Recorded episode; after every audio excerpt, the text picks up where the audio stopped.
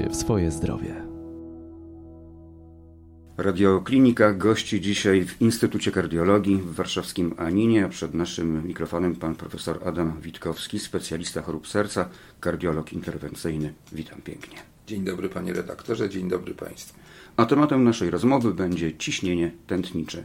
E, głównym wątkiem tego tematu będzie raczej nadciśnienie, choć mamy do czynienia oczywiście również z przypadłością zwaną niedociśnieniem.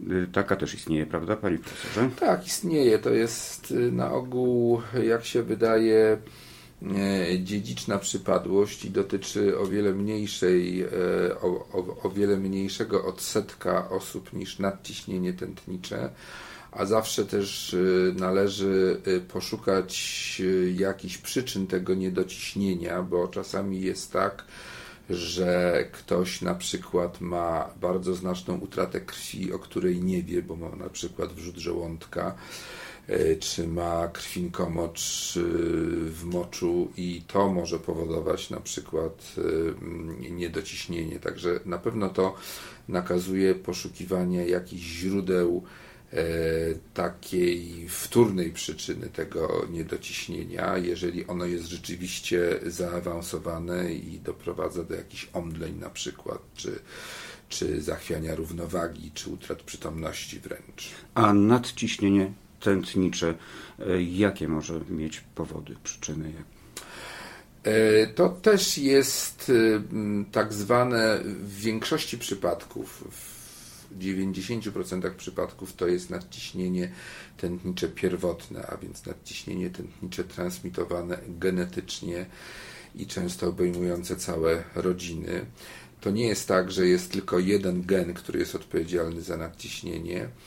E, to jest e, wielogenowa e, sprawa i dlatego trudno jest zidentyfikować pojedynczy genetyczny czynnik Natomiast y, no, wiemy na pewno, że właśnie u większości chorych jest to nadciśnienie tętnicze pierwotne, bez uchwytnej przyczyny i że e, na nadciśnienie tętnicze choruje jeden na trzech e, dorosłych. To, to jest bardzo, bardzo dużo. dużo. Tak. W Polsce się ocenia, że właśnie w przedziale wieku od 18 do 79 lat co najmniej jedna trzecia chorych choruje na nadciśnienie, a w wieku powyżej 80 lat jest jeszcze około miliona chorych na, na, na tak zwane izolowane nadciśnienie skurczowe.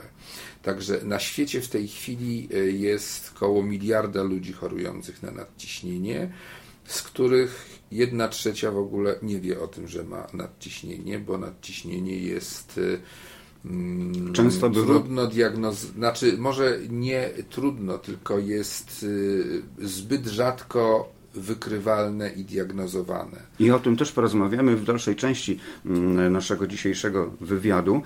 E, nadciśnienie tętnicze. No temat z pozoru zdawałoby się banalny, bo e, o nadciśnieniu tętniczym mówi się praktycznie na co dzień. Jak pan profesor wspomniał i o czym też e, porozmawiamy, często bywa to przypadłość ukryta, ale też usłyszałem określenie nadciśnienie pierwotne, więc wnioskuje, że jest również nadciśnienie wtórne. Tak, to właśnie dotyczy tej mniejszej części populacji, około pewnie 10% chorych, którzy mają nadciśnienie wywołane e, konkretną przyczyną, na przykład zwężeniem tętnicy nerkowej, czy jakimś e, guzem, e, na przykład nadnercza, który jest hormonalnie czynny i wydziela substancje, które mają działanie wazopresyjne, czyli obkurczające naczynia, i to może być przyczyną nadciśnienia. Te wtórne przyczyny nadciśnienia mm, zawsze trzeba wykluczyć Najczęstsze z nich, czyli właśnie zwężenie tętnicy nerkowej, czy gruczolak albo przerost kory nadnercza, bo wiele z nich można leczyć przyczynowo, to znaczy usunąć zwężenie w tętnicy nerkowej, czy usunąć y, nerkę, która jest marska i jest przyczyną nadciśnienia, czy usunąć gruczolaka, e, gruczolaka nadnerczy. E, I to, jeżeli nie doszło do wtórnych zmian już w przebiegu nadciśnienia, może całkowicie uwolnić chorego od nadciśnienia. Ale też zmiany miażdżycowe mogą mieć wpływ na powstawanie nadciśnienia. No tak, i zmiany miażdżycowe umiejscowione chociażby na przykład w tętnicy nerkowej mogą mieć y, wpływ oczywiście na wysokość ciśnienia. Jeżeli tętnica nerkowa jest bardzo ciasno zwężona przez blaszkę miażdżycową, to y, we wczesnej fazie usunięcie takiego zwężenia, szybkie zdiagnozowanie, że w ogóle to nadciśnienie jest i że jego przyczyną jest na przykład zwężenie tętnicy nerkowej, to usunięcie takiego zwężenia może całkowicie chorego uwolnić od nadciśnienia. Jeżeli to już e, jakiś czas trwa, e, no to nawet usunięcie takiego zwężenia w tętnicy nerkowej już nie doprowadza do całkowitej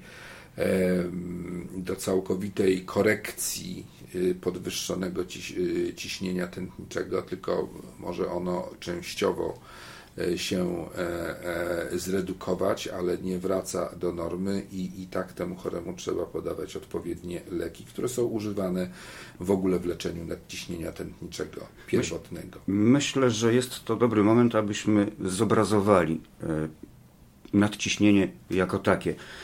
Nadciśnienie, czyli ta krew, która krąży w naczyniach krwionośnych, w tętnicach, nie ma możliwości e, odpowiedniego rozprężenia się, tak? Czy dobrze rozumiem, no, że... To jest e, albo e, efekt presyjny, czyli obkurczania się naczyń krwionośnych, albo zbyt duża objętość krążącej krwi osocza u chorego, który jest, który na przykład spożywa bardzo duże ilości soli kuchennej, tak? Czyli chlorku sodu, który no tak, powoduje jest to higroskopijna ściąganie mhm.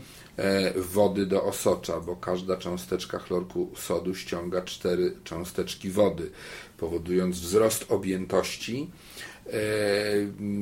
krążącej krwi, no a wzrost objętości przy na przykład braku akomodacji tętnic, bo one są powiedzmy zmienione miażdżycowo, więc nie są w stanie się rozszerzyć, no, siłą rzeczy powoduje y, zwiększony napór tego płynu na ściany naczynia i nadciśnienie, prawda? A w przypadku niedociśnienia? W przypadku niedociśnienia to jest y, trudno to określić, dlatego że w takim y, mm, genetycznie uwarunkowanym niedociśnieniu e, to ono trudno poddaje się leczeniu. Y, nie bardzo wiadomo, dlaczego występuje. To też jest jakaś wielogenowa, prawdopodobnie e, wielogenowe dziedziczenie i wielogenowa choroba. I na ogół nie wymaga żadnego specjalnego leczenia. E, oczywiście część osób, jak ma zbyt duży spadek ciśnienia, to się źle czuje, bo mogą mieć zawroty głowy, bo mogą być senni, bo mogą nie mieć chęci do pracy, ale e, na przykład e, wypicie kawy czy podjęcie jakiejś aktywności fizycznej zwykle te objawy likwiduje. Tak ale zbyt duże niedociśnienie może też doprowadzić do zapaści. No może, ale to, to raczej, są skrajne przypadki. To oczywiście. raczej są skrajne przypadki i e, raczej wywołane e, wtórnymi przyczynami, jak na przykład e, ukąszeniem jakiegoś owada czy węża, które powoduje gwałtowne rozszerzenie naczynia e, łożyska naczyniowego i w tym e, mechanizmie dochodzi do bardzo gwałtownego spadku ciśnienia Czyli i zapaści. Takie incydentalne tak, w zasadzie. Czy duża utrata krwi na przykład w, w szybkim tempie, to też powoduje że nagle tej krwi się staje za mało, to łożysko naczyniowe jest niewypełnione. E, ono oczywiście to stara się skompensować, bo się obkurcza, no ale to też do pewnych granic, tak? I wtedy również może dojść do omdlenia czy całkowitej utraty przytomności. To są potencjalnie oczywiście niebezpieczne stany bardzo, na szczęście zdarzające się e, raczej rzadko. Natomiast jeśli chodzi o nadciśnienie, często osoby cierpiące na tę przypadłość nie mają tego świadomości. Tak, to prawda. Chociaż raz w roku powinno się mierzyć e, ciśnienie. Takie to powiedzmy od razu, panie profesorze, jakie zalecenia. powinny być te poprawne wartości ciśnienia? No, prawidłowe ciśnienie y, to jest skurczowa wartość między 120 a 129, a rozkurczowa między 80 a 84 mm słupa rtęci. A co oznaczają te dwie wartości? Pierwsza. Skurczowe ciśnienie, drugie rozkurczowe, czyli to, co mierząc ciśnienie słyszymy, pierwszy ton to jest ciśnienie skurczowe, a ostatni ton to jest ciśnienie rozkurczowe. Mierząc y, ciśnienie klasycznym e, aparatem do mierzenia ciśnienia i używając słuchawki, która jest membraną położona na tętnicę zwykle y, ramienną, tak, czy łokciową. Natomiast y, mamy tak zwane wysokie prawidłowe ciśnienie tętnicze. To jest takie, gdzie ono się zawiera między skurczowa wartość między 130 a 139, a rozkurczowa między 85 a 89. I tego jeszcze się raczej nie leczy, chyba że manewrami jakimiś niefarmakologicznymi. Eee, natomiast de, de, definitywnie nadciśnienie zaczyna się od 140 wartości skurczowej i 90 wartości rozkurczowej. No i tutaj mamy jeszcze podział na trzy różne stopnie tego nadciśnienia w zależności zarówno od wartości skurczowych, jak i rozkurczowych tego y, ciśnienia, ale taką zasadniczą granicą jest 140 na 90. Czy istnieją bardzo duże dysproporcje między wartością skurczową i rozkurczową. Czy zdarzają się takie przypadki? Tak, ale to raczej są w wadach serca, jak niedomykalność zastawki aortalnej, gdzie różnica między skurczowym ciśnieniem a rozkurczowym jest y, bardzo duża i natychmiast powinno to nasunąć podejrzenie, że oprócz nadciśnienia jeszcze jest coś, co powoduje tak dużą amplitudę. Czy wiek ma wpływ na wartość ciśnienia? Tak, ciśnienie z wiekiem rośnie i u chorych starszych y, sam, sam fakt przekroczenia 65 lat y, y, już jest wystarczającym powodem, żeby sobie to ciśnienie jednak zbadać, nawet jak poprzednio miało się dobre. E, I u chorych starszych częściej występuje tak zwane izolowane nadciśnienie skurczowe, kiedy ta wartość rozkurczowa jest poniżej 90 mm supartenki, czyli E, w zasadzie prawidłowa, ale wartość skurczowa przekracza 140, 150 czy 160 mm supartenci i to jest tak zwane izolowane nadciśnienie skurczowe, dość charakterystyczne dla starszej populacji osób. E, no i też wymagające leczenia, tylko może bardziej ostrożnego niż u ludzi młodszych, bo ludzie starsi są do tego na ogół zaadaptowani i dobrze to tolerują i oczywiście trzeba spróbować im to ciśnienie obniżyć, ale w bardziej ostrożny sposób niż u, e, niż u osób młodszych, którzy mają w ogóle nadciśnienie, nie tylko to izolowane skurczowe, tylko po prostu nadciśnienie dotyczące obu wartości skurczowej i rozkurczowej. To osoby starsze. A czy dzieci mhm. też cierpią na nadciśnienie? Mm, młodzież, raczej młodzi ludzie, tak. Dzieci, jeżeli cierpią na nadciśnienie, to na ogół jest to nadciśnienie wtórne do jakiejś y, konkretnej przyczyny, do guza nadnerczy, do guza przysadki mózgowej, y, do zwężenia tętnicy nerkowej, oczywiście nie miażdżycowego zwykle u takiego dziecka, tylko z jakichś tam przyczyn y, chorób zapalnych ścian tętnic więc to jest y, y, wtedy sprawa, która wymaga bardzo y, pogłębionej diagnostyki, żeby raczej starać się wyłapać jakąś inną przyczynę tego nadciśnienia u dzieci.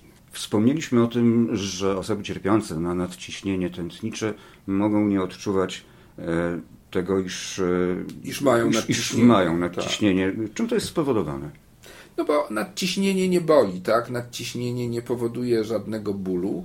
Nadciśnienie daje objawy po pewnym czasie, które wynikają z uszkodzenia różnych narządów, na przykład y, dają udary. Nadciśnienie jest w ogóle naj. Y, udary krwotoczne. tak, z, z uwagi na swoją powszechność występowania i to, że po pewnym czasie ono nieleczone powoduje uszkodzenia różnych narządów serca, nerek, mózgu na przykład, to jest najpoważniejszym kontrybutorem zgonów, udarów mózgu i zawałów serca. Także jego się nie czuje, ale konsekwencje nieleczenia są bardzo złe. A tętniaki też są spowodowane nadciśnieniem? Nie, tętniaki raczej są spowodowane zaburzeniem e, budowy ściany tętnic albo e, na tle chorób zapalnych, albo u ludzi trochę starszych na tle miażdżycy. Oczywiście, że nadciśnienie może spowodować bardzo, może przyspieszyć rozwój takiego tętniaka. E, czy też spowodować jego katastrofalne skutki, bo przy wzroście ciśnienia dużym taki tętniak może po prostu pęknąć, jak, jak to się stanie z, z tętniakiem w aorcie czy z tętniakiem w mózgu, no to e, może mieć konsekwencje takie, że chory szybko umrze, tak? Mm, natomiast e, samo nadciśnienie tętniaków raczej nie powoduje. Jakie są metody leczenia nadciśnienia tętniczego? To są sposoby farmakologiczne, czy też może inwazyjne? No, przede wszystkim trzeba powiedzieć o sposobach niefarmakologicznych, bo jednak istnieją takie i u osób z takim łagodnym nadciśnieniem tętniczym, świeżo rozpoznanym, to właściwie od tego trzeba zacząć, prawda? A więc dieta, e, redukcja wagi ciała, Y, bo często dotyczy to, czy najczęściej właśnie ludzi otyłych, czy przynajmniej z nadwagą, y, a dalej y, również mm, redukcja no, na przykład różnych spraw dotyczących mm,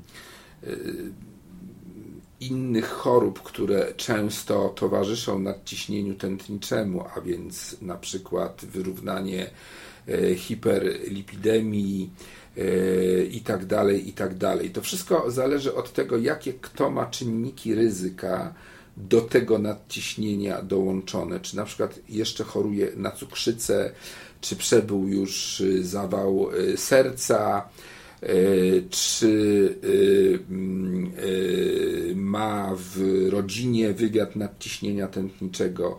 Bardzo ważne jest na przykład ograniczenie oprócz diety, wysiłku fizycznego, ograniczenie spożycia soli kuchennej, o której już mówiliśmy, ograniczenie spożycia alkoholu i ograniczenie, czy też w ogóle wyeliminowanie palenia papierosów bo wiemy, że i alkohol, i nikotyna y, y, mają y, jakby są linearnie związane ze wzrostem ciśnienia tętniczego. Im więcej się pije, im więcej się pali, tym można założyć, że u osoby, która już ma nadciśnienie tętnicze, to ciśnienie będzie coraz wyższe. A jaki wpływ ma nikotyna i alkohol bezpośredni na, na to, że potęgują się objawy nadciśnienia tętniczego? Y, no, y, bo y, mm, alkohol na przykład w pierwszej fazie daje rozkurcz naczyń, ale w drugiej powoduje odruchowy skurcz. I to powoduje reakcję presyjną i wzrost ciśnienia tętniczego. Nikotyna ma bezpośredni skurczowy mm, jakby Czysto chemiczny wpływ, tak? Działanie skurczowe czy obkurczające naczynia, taki chemiczny wpływ, tak jak Pan słusznie zauważył, i też y, w związku z tym y, palenie papierosów należy wyeliminować. No i nikotyna chyba, przepraszam za dygresję, ale jeśli mi wiadomo, potęguje mm, hipercholesterolemię. No, nikotyna generalnie przyspiesza miażdżycę, no chociażby to. I to też jest y, złą konsekwencją y, palenia papierosów czy palenia tytoniu w ogóle. Y, u części osób, u których nie da się na przykład wyeliminować zupełnie picia alkoholu, no, należy go ograniczyć jak najbardziej, bo wiadomo, że część, że część osób nie nie będzie w stanie tego zrobić. Trzeba się na wszystko spoglądać dość realistycznie, bo mnożenie zakazów tylko zniechęci chorego do, do ich przestrzegania, więc po prostu trzeba Mm, trzeba na to zwrócić uwagę również. No i wreszcie oprócz tych interwencji niefarmakologicznych, jeżeli one nie dają pożądanego efektu, czyli obniżenia ciśnienia do poniżej 140 na 90, albo jeżeli od razu chory zgłasza się nieleczony z bardzo wysokim ciśnieniem, przekraczającym 160 na 100 na przykład, no to wtedy jesteśmy uprawnieni do tego, żeby od razu Y, włączyć mu leczenie, bo trzymanie takiego ciśnienia jest jednak dość niebezpieczne, co oczywiście nie eliminuje różnych działań niefarmakologicznych, ale to już musi iść wtedy razem. No i jest kilka grup leków takich y, podstawowych, który, przy pomocy których rozpoczynamy leczenie nadciśnienia tętniczego. U niektórych chorych dobre efekty się uzyskuje przy monoterapii u niektórych chorych przy pomocy dwóch leków, y, wreszcie u niektórych chorych przy pomocy pięciu leków nawet, dopiero można to ciśnienie zredukować. No właśnie, y, jest y, dużo leków, mm, które są ordynowane przy nadciśnieniu tętniczym. Czym one, czym one się różnią? One się różnią, róż, one się różnią mechanizmem, w jakim obniżają ciśnienie tętnicze. To mogą być leki moczopędne, które obniżają ciśnienie tętnicze na zasadzie zmniejszenia objętości e, wody w organizmie, no i w związku z tym również zmniejszenia naporu płynu czy, czy krwi na, na ściany tętnic, co doprowadza do redukcji ciśnienia tętniczego. To mogą być leki, które są antagonistami jonów wapnia, e, które powodują rozkurczenie mięśniówki, relaksację mięśniówki ścian tętnic. Jedną z tych e, pięciu grup leków są e, leki, które hamują wytwarzanie angiotensyny przez nerki, czyli e, takiego, m, takiej substancji hormonalnie czynnej, która wywiera skurczowe działanie na mięśniówkę tętnic i w ten sposób doprowadza do wzrostu ciśnienia tętniczego. I tutaj mamy dwie grupy leków. Jedne to są e, e, leki hamujące tak zwany enzym konwertujący, który doprowadza do przemiany angiotensynogenów angiotensynę. One hamując ten enzym blokują tą przemianę i w związku z tym tej angiotensyny wytwarza się mniej. A drugie to są leki, które bezpośrednio blokują receptory dla angiotensyny i w ten sposób również blokują jej działanie. No i wreszcie są y, tak zwane beta-blokery, czyli blokery receptorów beta, które są zlokalizowane zarówno w sercu, jak i w naczyniach. Y, I one również poprzez y, zmniejszenie na przykład częstości skurczów serca i osłabienie siły skurczu powodują, że to ciśnienie jest zredukowane. To są takie właściwie naj, e, najbardziej mm, rozpowszechnione, rozpowszechnione pięć grup leków, czyli beta-blokery, blokery kanału wapniowego, leki moczopędne, leki e, obniżające produkcję reniny, Y, na zasadzie mm, e, zahamowania mm, takiego enzymu konwertującego i, re, i leki hamujące produkcję reniny na zasadzie działania na, bezpośrednio na receptory w nerkach.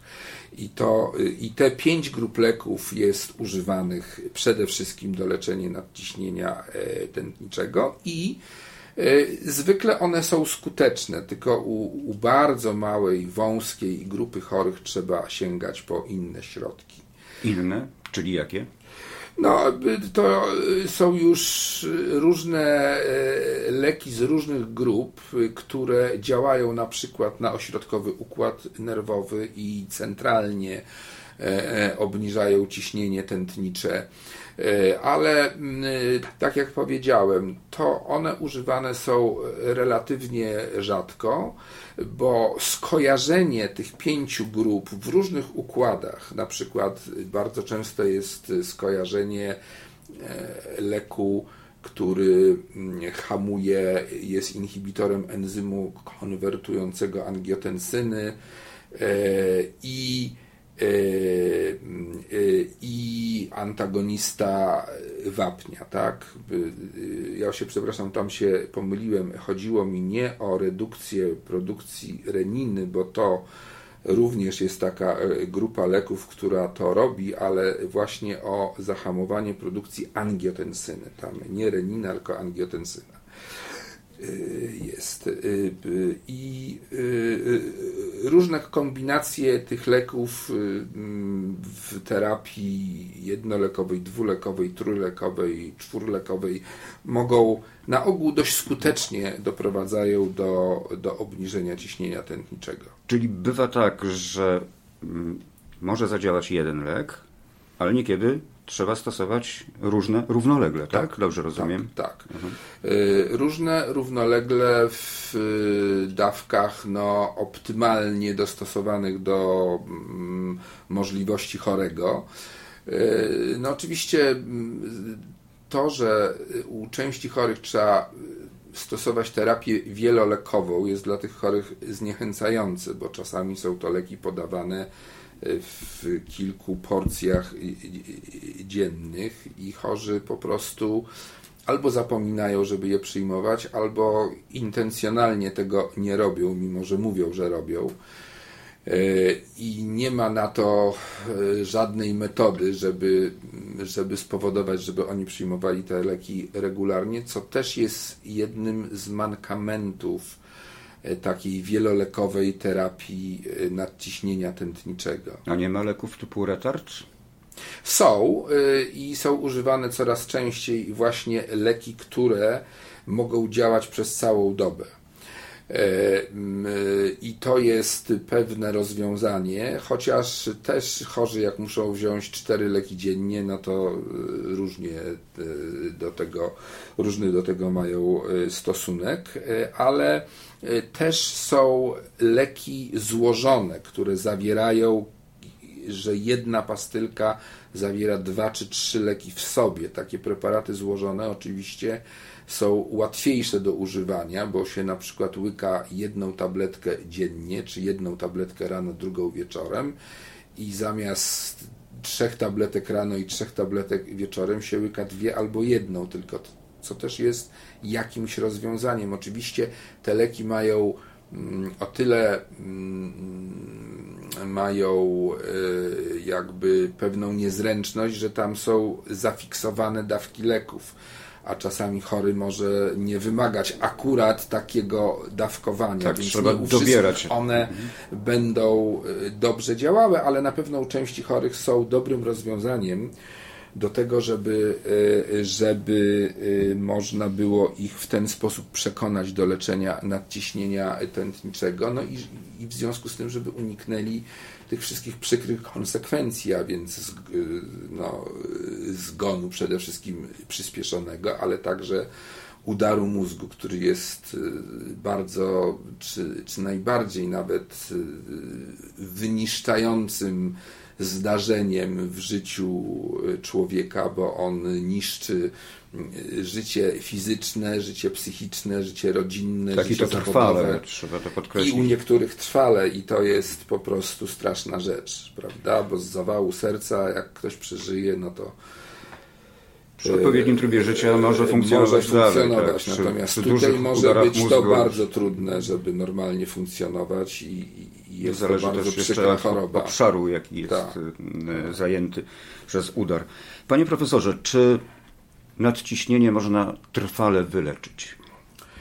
E, przy wtórnych postaciach tak, o tych, o których mówiliśmy, jeżeli jest przy, przyczyna usuwalna. No, natomiast rozumiem, że to pytanie dotyczy najczęstszej formy nadciśnienia, czyli nadciśnienia pierwotnego. I tutaj jest, bym powiedział, gorzej, e, dlatego że e, tylko w wybranych grupach chorych, jeżeli ktoś ma e, dobrze kontrolowane nadciśnienie lekami i raczej od razu było to nadciśnienie łagodne, to można po 12 kontrolach, 12 y, miesiącach dobrej kontroli tego nadciśnienia spróbować stopniowo odstawić leki. Drugą taką grupą mogą być osoby młode, u których można podejrzewać, że y, ten wzrost ciśnienia tętniczego był spowodowany jakimś urazem psychicznym, emocjami, I tutaj też można po jakimś okresie leczenia spróbować, szczególnie jeżeli te przyczyny pierwotne ustąpiły, e, zmniejszyć leki, czy w ogóle je spróbować odstawić. Ale u znakomitej większości to, e, chorych to leczenie nadciśnienia tętniczego jest terapią taką do końca życia. Co wynika z tego, że my nie znamy mm, do końca mechanizmów patogenetycznych, e, które wywołują nadciśnienie. To jest tak duża mozaika różnych przyczyn, że e, po prostu nie ma jeszcze opracowanej jakiejś interwencji, na przykład genetycznej, która by mogła na tyle zmodyfikować genom u człowieka, żeby to spowodowało ustąpienie nadciśnienia tętniczego. Zapewne kiedyś będzie to możliwe, ale na razie, na razie tego jeszcze nie ma. No ale stwierdzone jest, że postęp cywilizacyjny też bardzo wpływa na mm, powstawanie nadciśnienia tętniczego. W jaki sposób? No, postęp cywilizacyjny to właściwie wpływa e, dlatego, że jak sądzę, e, po prostu my sami, mając jakiś substrat genetyczny, jeszcze dodatkowo yy, prowokujemy wystąpienie tego nadciśnienia tętniczego poprzez yy, właśnie picie alkoholu, palenie tytoniu, małą aktywność fizyczną, niezdrowe otyłość, odżywianie. niezdrowe odżywianie, prawda? To wszystko jakby się nakłada jedno na drugie i, i postęp cywilizacyjny, który jest oczywiście wspaniałą rzeczą, e, no też e, ma swoje ciemne strony mm, i e, należy o tym mówić, że ma i należy mówić, co robić, żeby to wyeliminować, żeby wyciągnąć wszystkie korzyści z postępu cywilizacyjnego, ale żeby odsunąć od siebie jak najbardziej jego ujemne czynniki, które mogą doprowadzać właśnie do rozwoju nadciśnienia tętniczego, do rozwoju przedwczesnej miażdżycy, do otyłości, która sama w sobie jest niedobrą rzeczą, bo, bo doprowadza do insulinooporności, a to z kolei doprowadza do rozwoju y, cukrzycy, a cukrzyca y, zaczyna działać jak znakomity przyspieszacz rozwoju miażdżycy, więc jest kolejnym czynnikiem ryzyka zawałów, udarów i przedwczesnych zgonów, uszkodzenia nerek i to wszystko I tak się na siebie się nakłada po prostu, tak. Zapytam jeszcze o ciśnienie wahające się. Mhm. Mamy takie przypadki, że jednego dnia na przykład pacjent ma bardzo wysokie ciśnienie, drugiego normalne, bądź też wręcz nawet za niskie. To ciśnienie jest bardzo nieustabilizowane. Są, są takie przypadki. Jak z tym walczyć? Ja myślę, że u takiego chorego to trzeba poszukać po pierwsze wtórnych przyczyn naciśnienia tętniczego bo okresowo tak może być, że przy niektórych guzach hormonalnie czynnych one doprowadzają tylko do okresowego wyrzutu tych presyjnych substancji do krwi, a przez jakiś czas pozostają inertne. I wtedy może być gwałtowny skok ciśnienia tętniczego, a potem ono może całkowicie się y, znormalizować, więc to jest na pewno jakby sygnał do tego, żeby się popatrzeć, czy nie ma jakiejś wtórnej przyczyny nadciśnienia tętniczego. Druga sprawa to jest y, y, sprawa taka, że u takiego chorego y, należy zastosować automatyczny pomiar ciśnienia tętniczego, tak zwany ABPM, po to, żeby zobaczyć, jak to ciśnienie rzeczywiście zachowuje się w ciągu doby.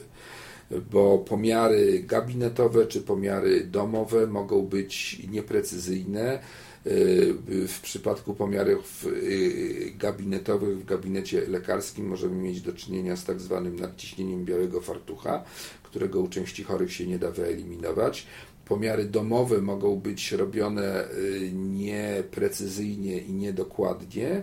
W związku z tym najlepiej jest wtedy właśnie założyć ten automatyczny pomiar na dobę czy na dwie doby i zobaczyć, jak to ciśnienie rzeczywiście Czyli takie, zachowuje. Mhm, takie urządzenie mm, jak y, holter w przypadku badania pracy serca. Tak, tylko że ono yy, to jest mankiet taki jak do mierzenia ciśnienia z kompresorem noszonym na pasku zwykle, który automatycznie się pompuje y, co 15 minut y, i, i mierzy ciśnienie i zapisuje to.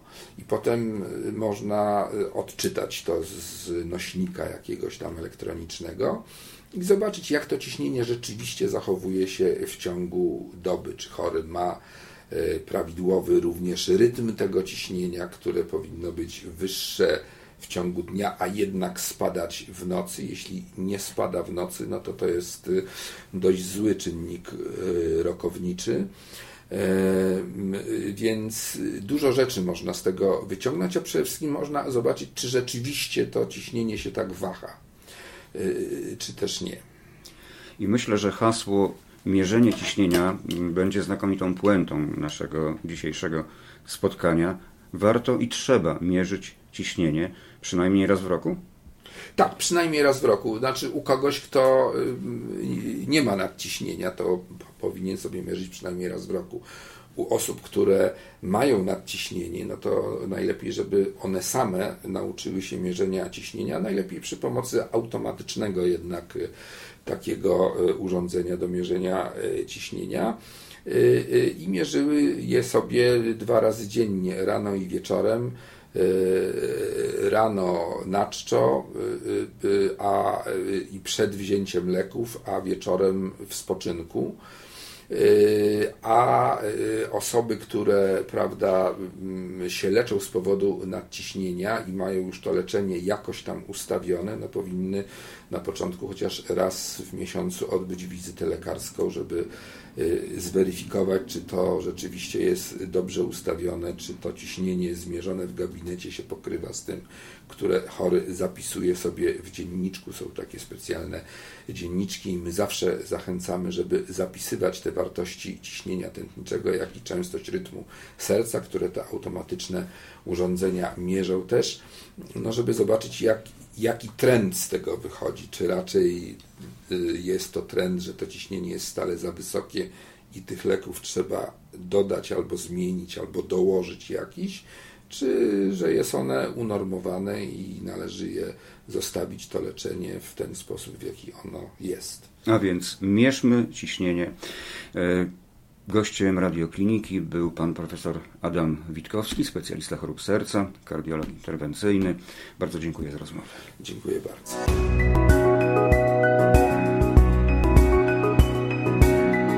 Więcej audycji o zdrowiu na stronie radioklinika.pl oraz w naszej aplikacji mobilnej.